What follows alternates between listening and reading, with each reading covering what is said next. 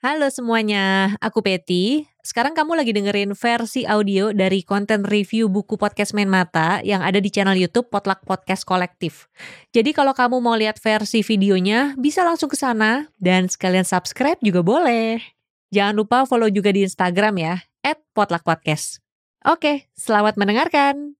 Ada gak sih di antara kamu nih yang sering atau ya pernah deh ya ngerasa gak pede gitu sama apa yang lagi kamu kerjain?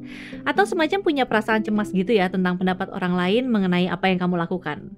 Kalau iya, berarti hal-hal yang aku pelajari dari buku How to Respect Myself ini bisa bermanfaat juga buat kamu. Oke, sekarang aku mau ngajak kamu kenalan dulu sama penulisnya, Yun Hong Yun.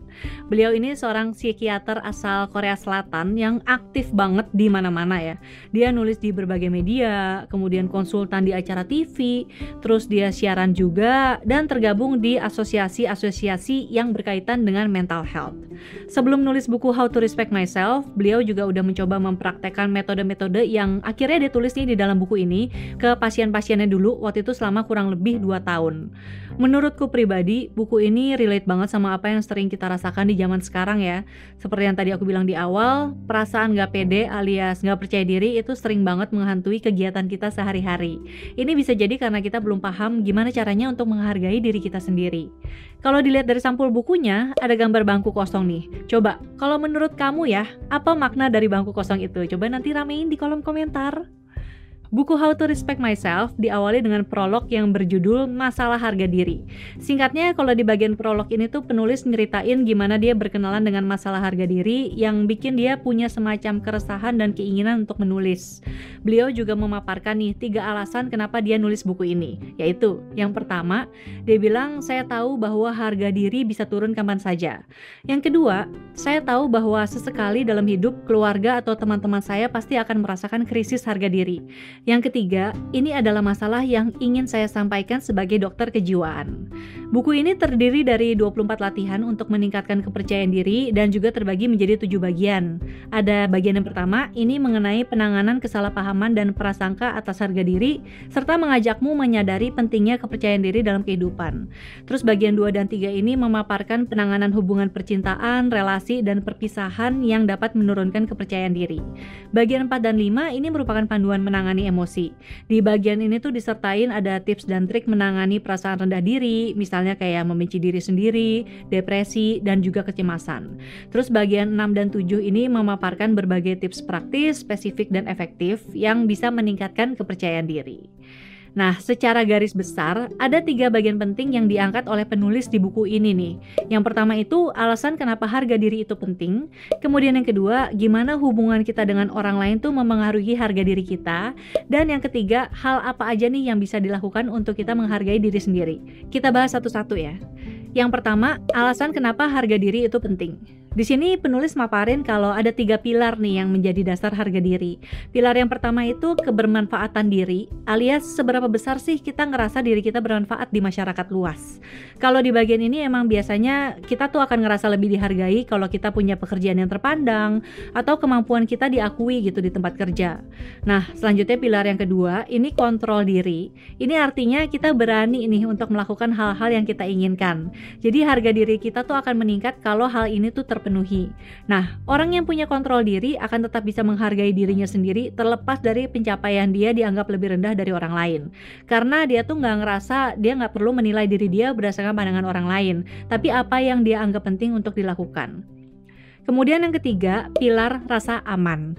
Kalau ini pilar yang menjadi dasar dari harga diri ya. Misalnya nih, kita tetap bisa merasa aman dan nyaman meskipun kita tuh nggak punya apa-apa. Tapi di sisi lain, kan ada juga ya orang yang kelihatannya tuh udah kayak punya segalanya gitu, tapi dia tetap aja ngerasa nggak cukup-cukup aja. Atau ada juga orang yang nyaman dengan kesendirian, sementara ada juga yang enggak. Semacam kayak gitulah. Sebenarnya harga diri ini tuh bisa jadi tolok ukur kita nih. Apakah kita udah cukup cinta sama diri kita sendiri? Soalnya semakin kita cinta sama diri kita, harga diri kita tuh juga akan semakin besar. Yang kedua, gimana hubungan kita dengan orang lain juga bisa mempengaruhi harga diri kita. Soalnya gimana pun juga, kita kan hidup pasti harus berinteraksi ya dengan orang lain dan ini tuh balik lagi kaitannya dengan yang pertama sih. Seberapa besar rasa cinta kita dengan diri sendiri untuk bisa nggak terpengaruh dengan apa pun yang dilakukan orang lain. Karena bisa aja nih pertanyaan-pertanyaan yang meragukan diri sendiri tuh muncul ketika kita ngeliat atau kita dengar apa yang dikatakan atau dilakukan oleh orang lain. Atau kita jadi ngebanding-bandingin diri sendiri dengan orang lain. Sampai kita susah gitu kayaknya ngelihat kelebihan yang kita punya dan selalu ngerasa orang lain tuh lebih hebat dari kita. Jadi dari dua bagian besar ini aja penulis tuh udah ngasih kita perspektif berbeda mengenai cara melihat harga diri. Harga diri bukan datang dari pengakuan atau validasi orang lain, tapi dari internal kita sendiri. Misalnya tadi di awal kan aku sempat nanya ya, apakah kamu sering gak pede buat ngelakuin sesuatu? Kalau misalnya iya, bisa jadi itu karena kamu kurang menghargai diri sendiri, atau mungkin kamu terlalu sering dengerin omongan orang lain yang bisa jadi juga itu tuh cuma ada di kepala kita doang gitu. Alhasil ya kita malah jadi kalah sebelum perang. Sebelum aku lanjutin ceritanya, aku mau ajak kamu lihat sebentar nih komentar para pembaca di Goodreads yang ngerasa buku ini ngebantu banget bikin mereka jadi lebih pede.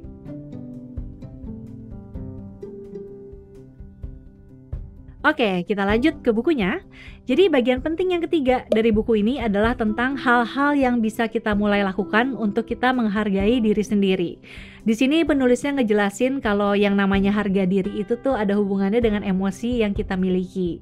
Dan emosi inilah yang harus kita kelola. Tapi untuk bisa mengelola emosi, kita pertama-tama harus aware dulu nih ketika dia muncul. Dan aware juga emosi seperti apakah dia. Aku yakin banyak dari kita yang sering atau at least pernah deh ya ngerasa emosi gitu dengan sesuatu. Tapi kita susah gitu untuk ngejelasin ini emosi yang seperti apa atau asalnya dari mana. Makanya penulis tuh ngajak kita untuk menulis catatan emosi supaya kita bisa mengurainya nih. Jadi ketika kita merasakan sesuatu, kita tulis dengan penjelasan peristiwanya, terus apa yang kita rasakan, apa yang kita pikirkan, dan apa yang kita lakukan saat kita mengalaminya. Dari situ kita akan bisa mengidentifikasi perasaan negatif yang muncul, misalnya kayak rasa kecewa, malu, atau lainnya, dan juga nyari solusi gimana cara buat ngatasinnya. Di buku ini juga penulis maparin banyak banget tips dan hal-hal yang bisa kamu lakukan ya untuk meningkatkan kepercayaan diri dan juga menghargai diri sendiri. Penulis tuh mengibaratkan proses pemulihan diri tuh kayak petani yang menebar benih di musim semi dan mencabuti rumput liar di musim panas. Jadi artinya yang namanya pemulihan diri itu memang proses yang harus dijalani terus-menerus. Kita terus nyoba untuk menumbuhkan kebiasaan baik yang bikin kita menghargai diri dan juga menghilangkan kebiasaan buruk yang bikin kita jadi rendah diri. Dan tentu saja ya proses ini sering kali berkaitan dengan hal-hal yang terjadi di masa lalu ya. Terus supaya bisa pulih, kita juga harus percaya kalau yang sudah berlalu ya memang udah berlalu gitu. Dia akan jadi bagian dari diri kita, dia akan terus ada, tapi nggak boleh untuk kita sesali, justru harus diperbaiki biar nggak terulang lagi ke depannya. Biar kita bisa bikin langkah hidup yang lebih baik juga. Ini berguna juga nih, khususnya ketika kita lagi menghadapi kritik ya. Karena kalau terus-terusan mikirin kritikan orang kan ya kita malah akan jadi overthinking, terus jadi takut ngapa-ngapain gitu kan. Jadi bukan berarti kita tuh fokus ke kritiknya, tapi sebenarnya apa yang bisa kita lakukan dari kritiknya itu. Rasanya buku ini cocok banget deh untuk dibaca dari anak remaja ya sampai yang udah dewasa dan berumur sekalipun. Karena selama kita masih hidupnya tuh berinteraksi sama orang lain, hal-hal yang bisa meruntuhkan harga diri itu yang gak bakalan bisa dihindarin sih. Enaknya juga buku ini tuh karena disusun jadi bagian-bagian kecil ya. Kontennya tuh bikin gak capek pas dibaca. Dan kita bisa baca buku ini dari mana aja, gak harus runut juga tergantung dari kita nih lagi butuh tips yang mana nih.